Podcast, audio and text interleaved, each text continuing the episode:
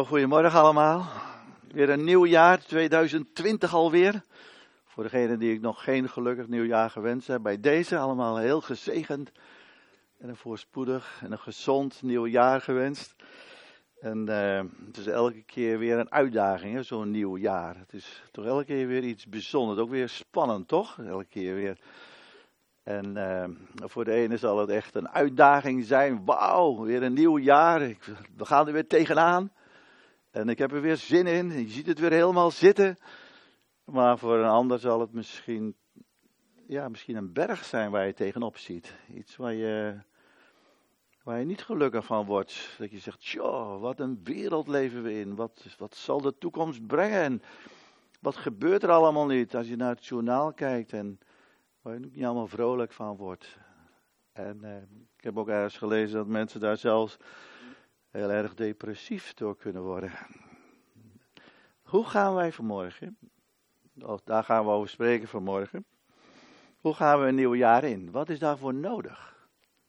Wat is er nodig om te kunnen volharden, om door te gaan, om niet op te geven, om kracht te ontvangen en uh, om tot Gods doel te komen? Daarvoor wil God ons twee dingen aanreiken. Een visie en een belofte. Een visie van God en een belofte van God. Dat is vanmorgen het onderwerp. Een visie die hoop geeft. Iemand heeft dus een keer gezegd: een mens zonder visie heeft geen toekomst. Een mens zonder visie. Ik heb mijn jas net uitgedaan, ik voel het hier. Tja, ja, dat kan, je kunt het verschillend voelen. Ja, ik vond het.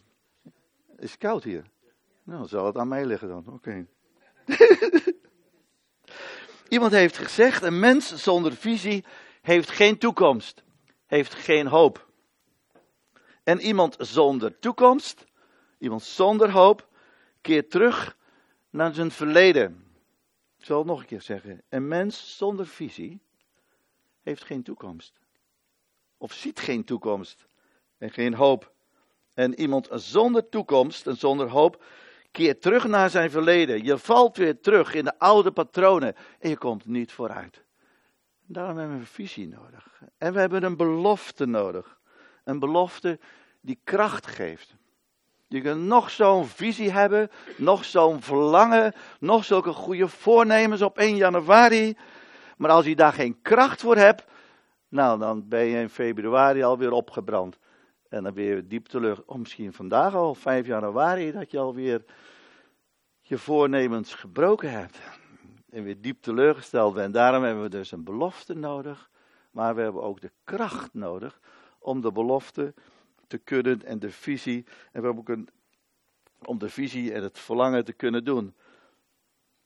Wat is Gods visie voor 2020? Is dat weer iets nieuws. God heeft elk jaar weer een nieuwe visie en we moeten dan ergens gaan zoeken.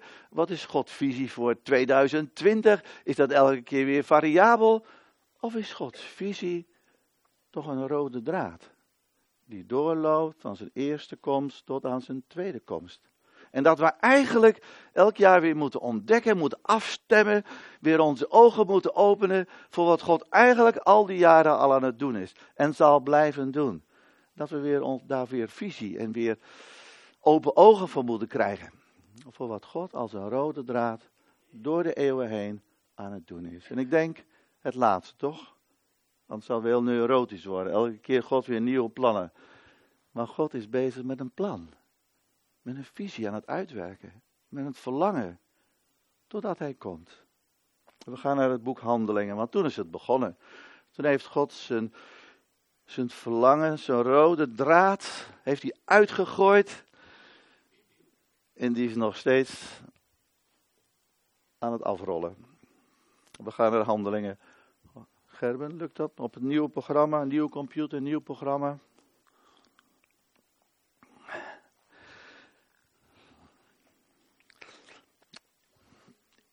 Ja, de eerste, eerste acht versen. En het eerste boek heb ik gemaakt, schrijft Lucas, en dan schrijft hij aan Theophilus, over alles wat Jezus begonnen is te doen en te onderwijzen, tot op de dag waarop hij opgenomen is nadat hij door de Heilige Geest aan de apostelen, die hij uitgekozen had, opdrachten had gegeven.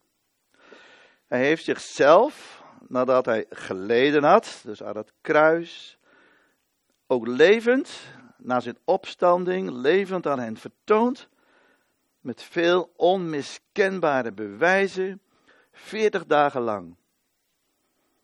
Waarbij hij door hen gezien werd en over de dingen sprak die het koninkrijk van God betreffen. Jezus is nog veertig dagen bij zijn discipelen voordat hij naar de hemel gaat. En dan spreekt hij over die rode draad. Het koninkrijk van God. Koningschap. Eigenlijk staat er in het Grieks het woordje basilea. En dat kun je dus vertalen met koninkrijk. Dat gaat weer over gebied. Dat is wat abstracter, maar je kunt het ook vertalen met koningschap. Over zijn koningschap. En daar spreekt hij over. Veertig dagen lang om hen voor te bereiden. En dan lezen we in vers 4. Vanaf vers 4. En toen hij met hen samen was, beval hij hun dat ze niet uit Jeruzalem weg zouden gaan, maar ook de belofte van de Vader zouden verwachten. Die u, zei hij, van mij gehoord hebt. Want Johannes doopte wel met water, maar u zult met de Heilige Geest gedoopt worden. Niet lang na deze dagen. Dat is de belofte. De visie van het koninkrijk, van het koningschap van Jezus. En ook de belofte die erbij hoort, waardoor het ook in vervulling kan gaan. En dan in vers 6.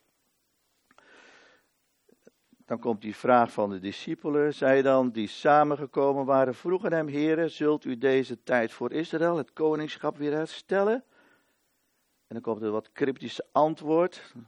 Eigenlijk kun je er over die twee versen een hele aparte preek houden. Ik ga er ook niet te veel op door.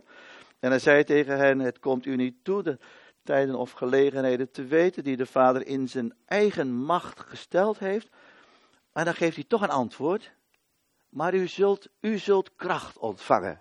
Het is dus niet iets van de verre toekomst als we spreken over het koningschap of over het koninkrijk. Hij zegt, maar jullie zullen nu de kracht daarvoor krijgen. Het koningschap begint. Het koningschap begint. En het is ook niet, zegt hij, exclusief voor Israël.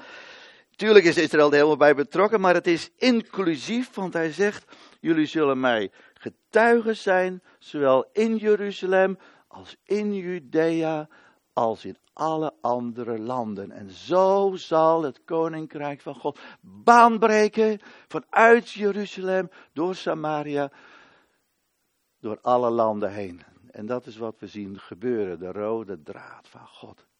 De rode draad van zijn visie. En die twee, die belofte, die visie en die belofte, die horen ook helemaal bij elkaar. Koninkrijk en de Heilige Geest. Ik wil een vers lezen uit uh, Matthäus om dat te illustreren. Matthäus 12, vers 28. En het bijzondere is, wat ik eigenlijk nog wilde zeggen, dat het vanuit Jeruzalem door Samaria naar alle volkeren gaat, door de hele wereld. En dat het weer terug zal gaan naar Jeruzalem. Dat zal echt een hele bijzondere gebeurtenis zijn. Hele bijzondere ontwikkelingen gaan er nog gebeuren. Maar die twee horen dus bij elkaar. En dan staat er in Matthäus 12, vers 28, maar als ik door de geest van God de demonen uitdrijf, dan is het koninkrijk van God bij u gekomen. Hier zie je ze alle twee. Jezus zegt, als ik door de geest van God de demonen uitdrijf, wat zie je dan gebeuren? Mijn koningschap, mijn autoriteit, mijn koninkrijk breekt baan. En die twee horen bij elkaar. Waar de geest komt, daar komt het koninkrijk.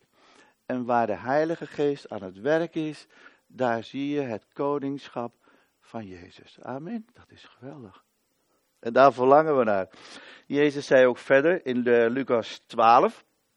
Lucas 12, vers 31 eh, en 32. En daarvoor zei hij eigenlijk: Maak je niet bezorgd. Maak je niet bezorgd over wat je eten moet en wat je kleden moet. Maak je niet bezorgd over de toekomst. Maak je niet bezorgd over allerlei financiële ontwikkelingen. Maak je niet bezorgd over het jaar 2020. Want, hij zegt, maar zoek eerst mijn koninkrijk. Koninkrijk van God. En al deze dingen zullen u erbij gegeven worden. Wees niet bevreesd, klein kurke, want het heeft uw vader behaagd. Hij verlangt ernaar om u het koninkrijk te geven. Amen. Hij wil jullie die visie geven. Maak je niet bezorgd. We maakten ons echt wel bezorgd toen wij naar Engeland moesten gaan. Zonder salaris in 1982.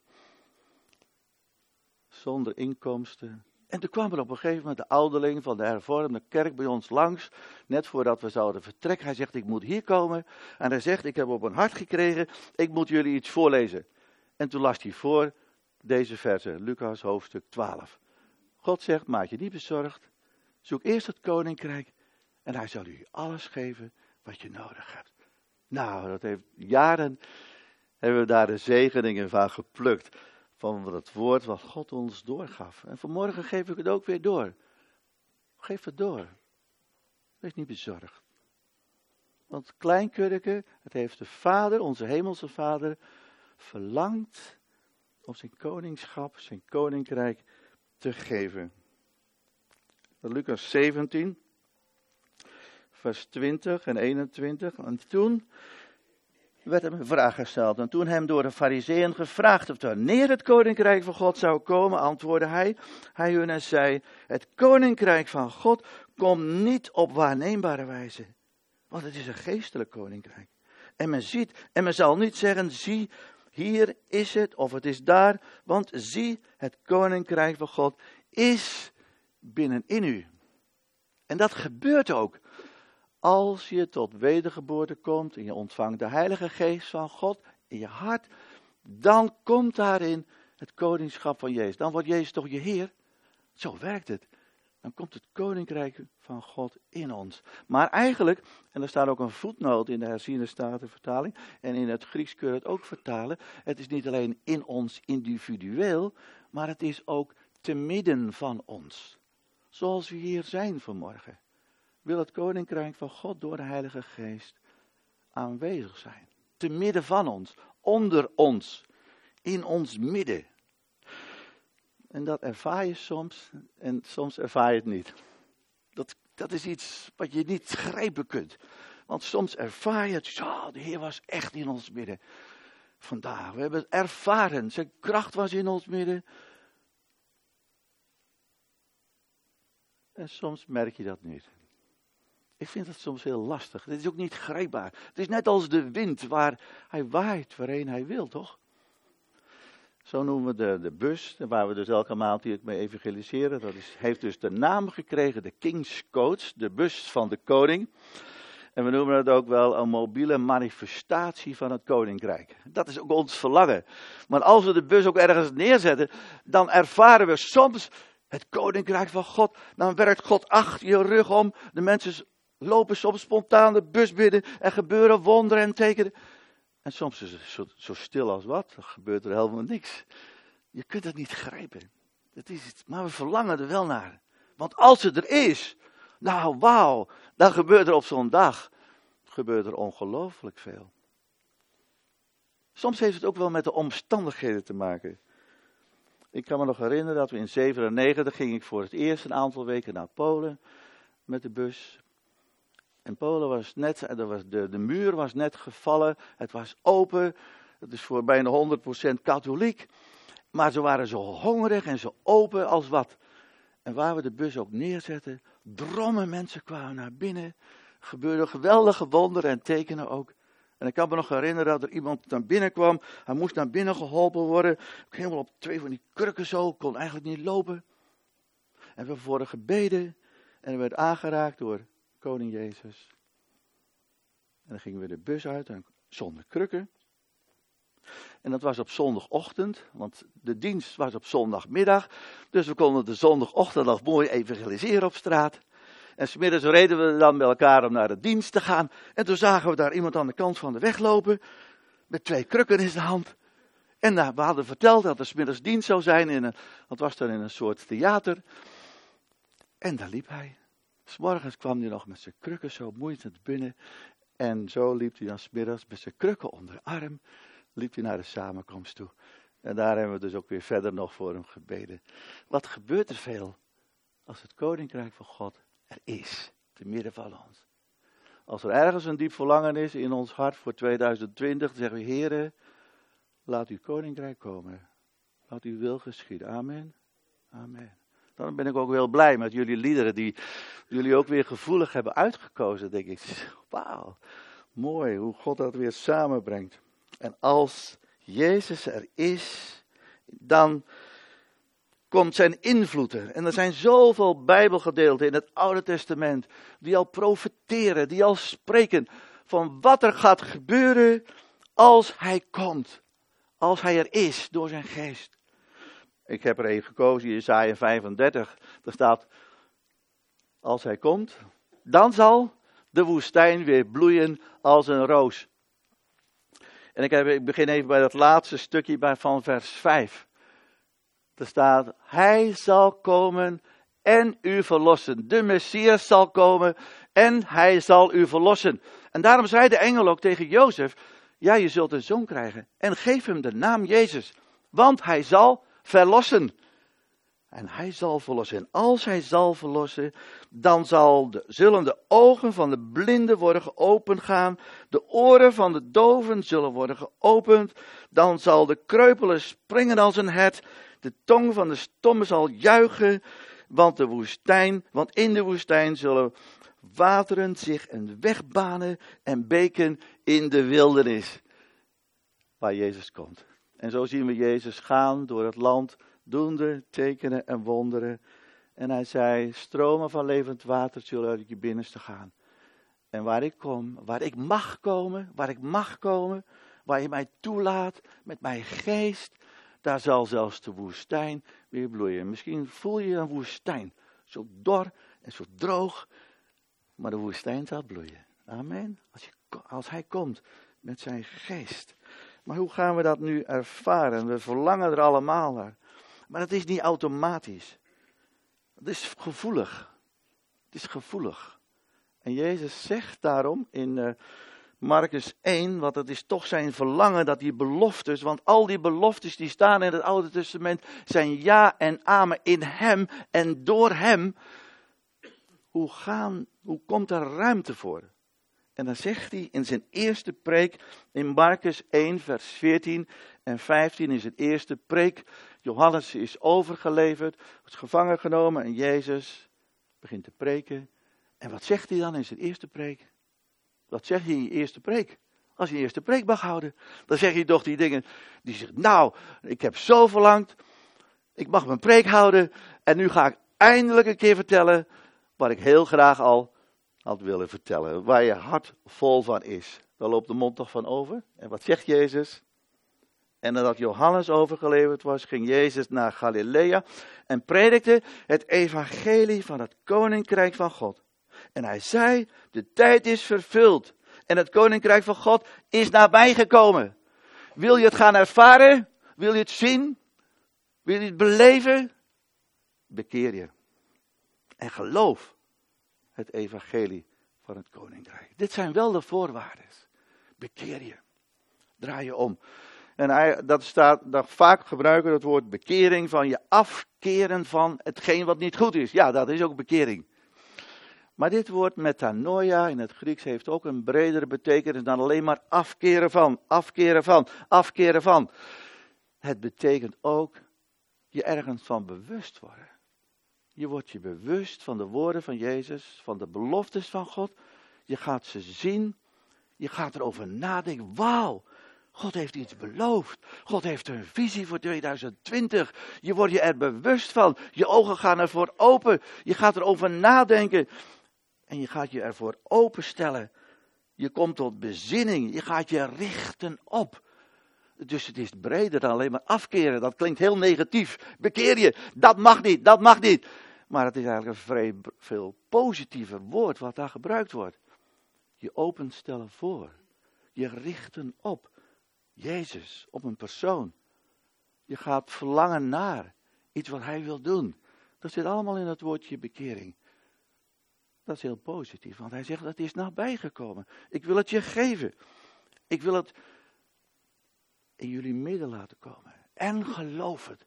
Geloof het evangelie. Geloof mijn volbrachte werk. Geloof het evangelie van het koninkrijk. Inderdaad. Want Jezus is de waymaker. hebben we net gezongen. Ook dat lied. Dacht ik, wauw. Dat gaan we zingen vanmorgen. Hij is de waymaker. Hij is de miracle worker. Hij is de, de light in the darkness. Amen. Hij is gekomen. En hij zegt, ik geef daarvoor mijn leven. Tammo die las het vanmorgen al. Ik ga naar het kruis. Ik ga hem wegbanen. Zodat mijn heil kan komen. Ik ga opstaan. Zodat ik elke duisternis en elke macht, elke vijand verbreken zal. In de naam van Jezus heeft hij ze verbroken. En ik zal verheerlijkt worden door mijn vader. En ik zal mijn geest geven. Ik zal gemaakt worden tot koning en tot heer en tot gezalfde. En net voordat hij wegging, zei hij: Jongens, ik geef jullie een belofte. Mijn koninkrijk gaat komen. En ik geef, ik geef jullie een visie van mijn koninkrijk, inderdaad. En ik geef jullie een belofte. Mijn Heilige Geest. Wauw. En zo loopt de draad al 2000 jaar. Totdat hij gaat komen. En nu mogen we de draad weer oppakken. En elke opwekking, ik zou een stapel boeken mee kunnen nemen over opwekkingen, dan zie je waar de Heilige Geest komt, daar komt het koningschap, daar komt het koninkrijk. Dat is allemaal verleden. Maar ik kreeg een paar maanden geleden kreeg ik een uh, appje van Bedieke vanuit Israël. Ze zegt, hey, je moet eigenlijk eens naar de film kijken, Sheep Among Wolves. Schapen onder wolven. Twee.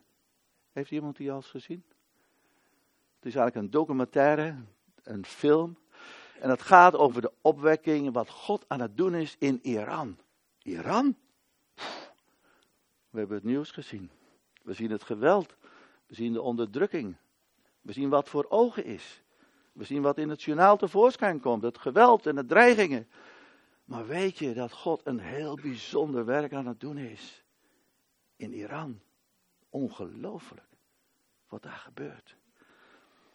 Er is een geweldige opwekking gaande. Zo. Dat, komt, dat komt niet op het journaal. Dat lezen we ook niet in de krant. Maar die documentaire die laat dat zien. Dat er een geweldige beweging is. Dat mensen een visie krijgen van Jezus. Dat hij zichzelf laat zien. In een droom. Talloze keren. En dat ze discipelen worden van Jezus. Ze worden discipelen worden van de koning. En ze vormen, ze vormen geen grote gemeentes, want dat, dat kan niet. Maar ze vormen kleine groepjes van drie of vier. En ze gaan elkaar discipelen. En de ene komt tot geloof. En die wordt onderwezen. En die gaat de ander weer onderwijzen. En de Heilige Geest is zo krachtig aan het werk. Amen, dat is gebeurd. Dat is heel bijzonder wat daar gebeurt. Het is een geweldige groei. Ondanks alle tegenstand, alle weerstand, alle verdrukking en het lijden en vervolging. Ook nu weer is er een voorganger tot, tot heel veel jaar gevangenis veroordeeld. Ik zal straks nog een voorbeeld geven. En dat is wat we verlangen ook voor het jaar 2020. En daarom hebben we ook weer blok 2. Vanaf komende woensdag willen we weer daarmee aan de slag gaan. Om daarvoor te gaan bidden. En te gaan zoeken. En gaan open. Hoe gaan we bidden met gezag daarvoor? Voor het koninkrijk. Heer, uw koninkrijk komen. En dat we ook gaan bidden en getuigen van het koninkrijk. En ook gaan groeien in de aanvalswapens van het koninkrijk. De bedieningen van genezing en van bevrijding. En zo wil God ons gaan toerusten. En misschien zeg je vanmorgen, nou, maar daar zit ik helemaal niet op te wachten. Ik heb wel andere dingen aan mijn hoofd. Hm, ik heb het moeilijk. Ik uh, probeer te overleven. Ik zie de toekomst met uh, angst en beven tegemoet. Ik ervaar heel veel weerstand. Ik heb strijd. Ik kom niet. Hm, je bent niet alleen. Je bent niet alleen. Johannes en Petrus hadden het evangelie verkondigd in hoofdstuk 3 van Handelingen. En wat gebeurde er? Ze werden al gelijk gevangen genomen. En ze gaan bidden. Daar komen we straks op terug. Waarop over de hele wereld breidt het koninkrijk van God baan. Maar er is ongelooflijk veel weerstand en lijden. En toch gaat het door. Waarom? Omdat zij een visie hebben. Daarom gaat het door. Ondanks alles wat er gebeurt, wat ze meemaken, het lijden, de weerstand, de strijd. Maar het is de visie, de hoop, die geeft ze kracht. De visie van het koninkrijk. Ondanks alles wat er gebeurt. Gisteren was het, uh, even kijken, we waren op de open doorsdag. En toen sprak er iemand, een jonge voorganger uit Iran. Waar ik net over vertelde. Hij was op zijn achttiende tot geloof gekomen door zijn broer. En op zijn twintigste zat hij al in de gevangenis. Het was niet zo lang. Maar daarna ging hij dus discipelen. Ging anderen onderwijzen, wat ik net zei. En toen zat hij op zijn 24e zat hij opnieuw in de gevangenis. Maar nu voor drie jaar. En toen vroeg, de, het was een interview, Family 7 was dat, vrijdagavond. En toen vroeg die interviewster, maar hoe heb je dat overleefd? Wauw, van, door te zien op Jezus alleen. En door de kracht van de Heilige Geest. Waarom groeit de kerk in Iran zo hard? Alleen, wij zien de koning en wij willen hem volgen. Wij kennen hem en we houden van hem. En we willen hem volgen. En de Heilige Geest doet machtige dingen dacht ik, wauw, dit is aardig in lijn met hetgeen wat ik vanmorgen wil zeggen. Het was wel een bevestiging voor mij. En zo zien we dus. En toen zei hij, oh ja, toen zei hij ook de psalmen, ja, de psalmen. De psalmen over, die geven mij ook kracht. Hebben mij altijd kracht gegeven. Ook in de gevangenis, ook als het moeilijk was. En hij vertelde ook nog dat er, hij zegt, eigenlijk was het ook een gave tijd. Een, ga, een boeiende tijd in de gevangenis. Want er gebeurde zo ontzettend veel wonderen en wonderen en mensen die tot geloof kwamen. En zo zien we in Handelingen hoofdstuk 4 inderdaad dat Petrus en Johannes in de gevangenis gegooid worden. En dan worden ze vrijgelaten. En wat gaan ze doen met elkaar? Ze gaan bidden. En wat, en daar wil ik mee afsluiten. Nog eventjes, maar goed. Ik ben nog niet klaar hoor, maar het laatste. En waar gaan ze dan voor? Hoe gaan ze bidden? Hoe gaan ze bidden? In Handelingen hoofdstuk 4 lees je dat. Een geweldig gebed staat daar. Dan gaan ze bidden vanuit de Messiaanse psalmen. Ze gebruiken de psalmen in hun gebed. En een van de psalmen die ze dan gebruiken is psalm 2. En daar wil ik mee afsluiten met psalm 2. En we gaat Psalm 2 over. Is een Messiaanse psalm, gaat over de gezalfde, over de Here. En deze psalm bestaat uit twaalf versen.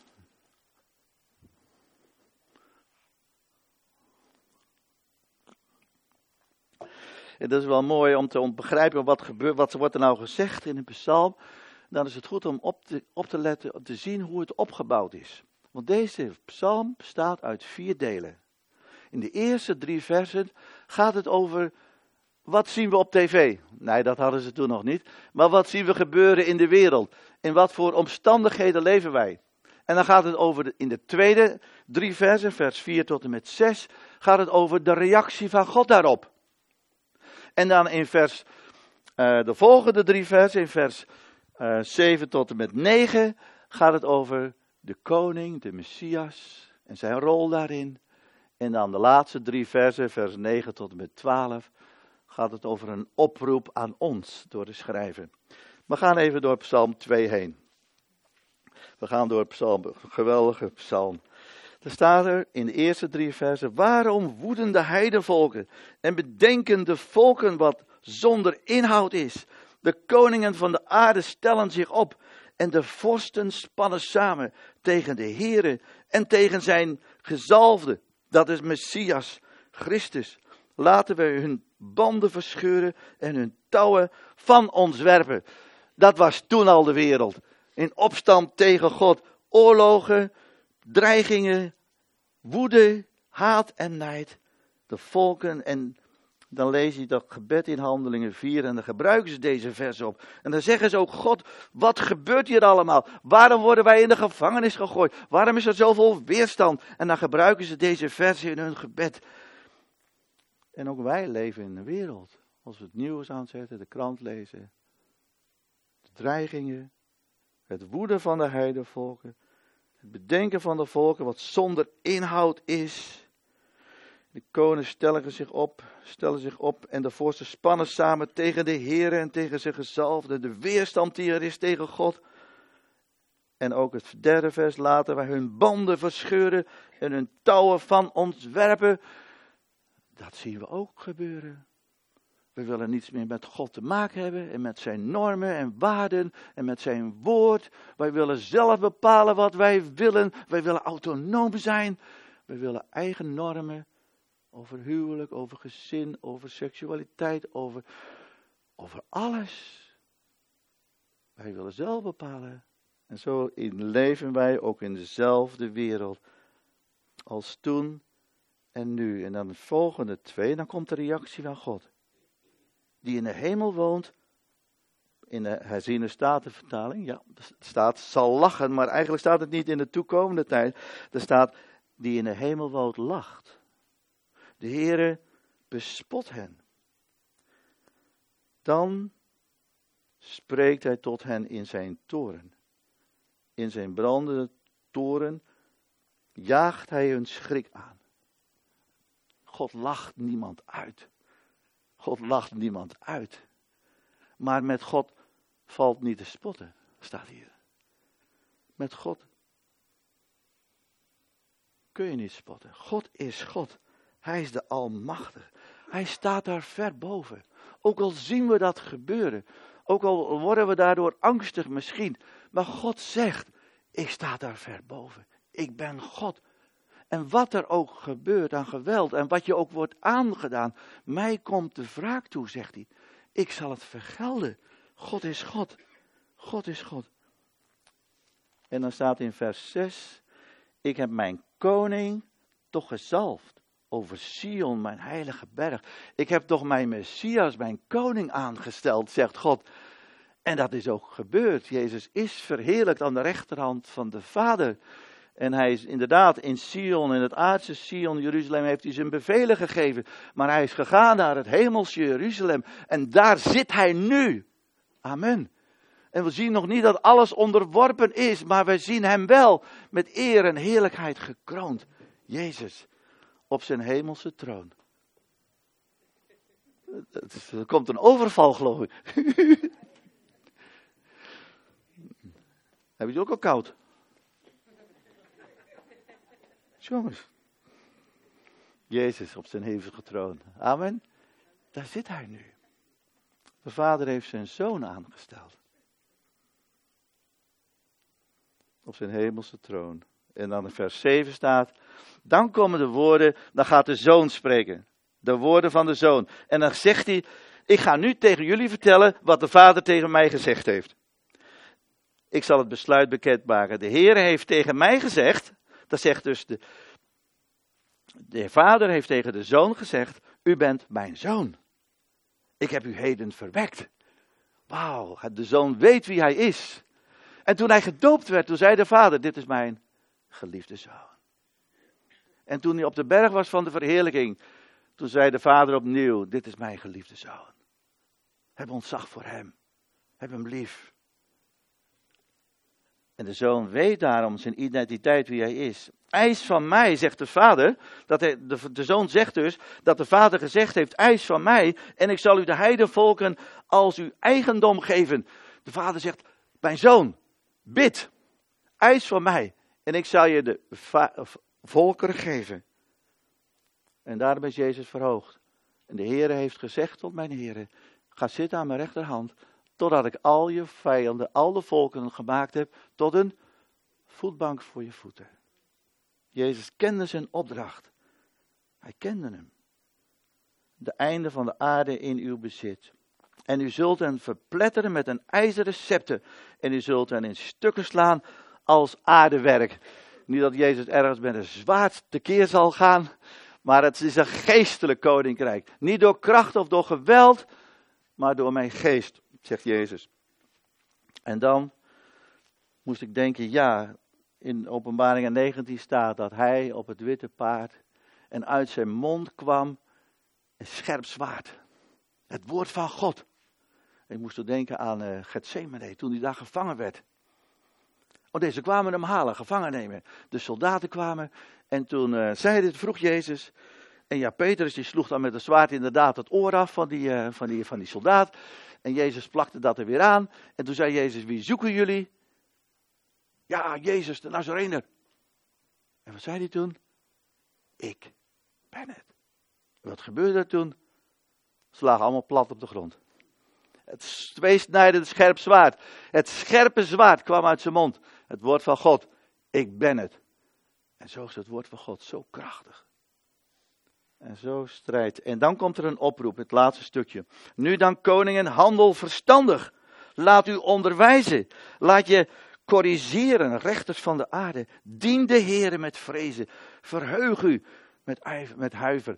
Wees een discipel van hem. Ga hem dienen. Ga hem volgen. En het laatste vers. Kus de zoon. Opdat hij niet toornig wordt en u onderweg om, omkomt. Want zijn toren slechts uh, even ontbrandt. Wanneer zijn toren slechts even ontbrandt. Dat zalig allen die tot hem de toevlucht nemen. Het laatste stukje nog. Kus de zoon. Kus de zoon, heb hem lief. Dacht ik, even we gaan straks avondmaal vieren. En dan krijg je brood aangereikt. Wauw. Kus de zoon. En de beker krijg je straks aangereikt. En dan krijg je de beker en gaat zo naar je lippen toe. Kus de zoon. Is dat niet een mooi beeld? Van dank u Jezus voor wat u gedaan heeft. Ik hou van u. Ik bemin u. U bent mijn koning. Ik kus u. Ah, laat het een geweldige ervaring zijn straks. Als je de zoon mag kussen. In de geest, natuurlijk. In de geest. En zo leven we dus, staan we aan de eerste zondag van het nieuwe jaar. En God heeft een verlangen voor ons. Een visie voor ons. Amen. God heeft hoop voor ons. Het heeft een hoopvolle toekomst. Gedachten van vrede en een hoopvolle toekomst. En hij geeft ook ons de kracht daarvoor. Zijn geest. Verlangen we dat? Ja. Ik zou willen vragen dat ik wil gewoon dit met een gebed afsluiten. En daarna zou ik eigenlijk willen vragen. Hebben we daar de tijd voor, Dennis, of niet? Om nog even dat lied te zingen. Zie onze God. Mogen we dat hier aansluitend zingen? Zie onze God. Dat, dat was het tweede lied wat we zongen. Zie onze God. Zullen we gaan staan? Dat vond ik wel een mooi, mooi geweldig lied. Om aansluitend op hetgeen wat we vanmorgen mochten horen. Hemelse Vader. Willen zo gaan staan voor u. Aan het begin van dit nieuwe jaar. En misschien zeg je, ja, ik, was, ik ben eigenlijk wel, ik heb hoop nodig. Ik heb hoop nodig. En ik bid, heren, open onze ogen voor de rode draad. Open onze ogen voor uw plan. Wat u aan het doen bent, dwars door de wereld heen. Uw koninkrijk komen. Jezus zegt, ik ben de levende hoop. Richt je oog op mij. Richt je oog op mij. En ik bid, Heer, neem elke sluier van ons hart weg. Verbreek het in de naam van Jezus. Geef ons verlichte oog in ons hart, zodat we mogen zien de koning der koningen en de Heere der heren. Heer, maak ons vrij van elke bezorgdheid die op ons af kan komen voor de toekomst. Neem het af en wij zeggen, Heer, wij verlangen ernaar. Uw, naar uw koninkrijk verlangen wij. In Jezus' naam. En we bidden, vul ons zo met uw heilige geest. En ik bid ook, vul ons met uw kracht om uw getuige te kunnen zijn. Vul ons met uw aanwezigheid. Vul ons met uw glorie. En vul ons met uw koningschap in Jezus' naam. Maak ons sterk in u, o God. In Jezus' naam. In deze wereld waarin zoveel dreigingen zijn. Waarin we zoveel ontwikkelingen zien. Maar u, die in ons woont, is sterker dan die in de wereld woont. Halleluja, Jezus.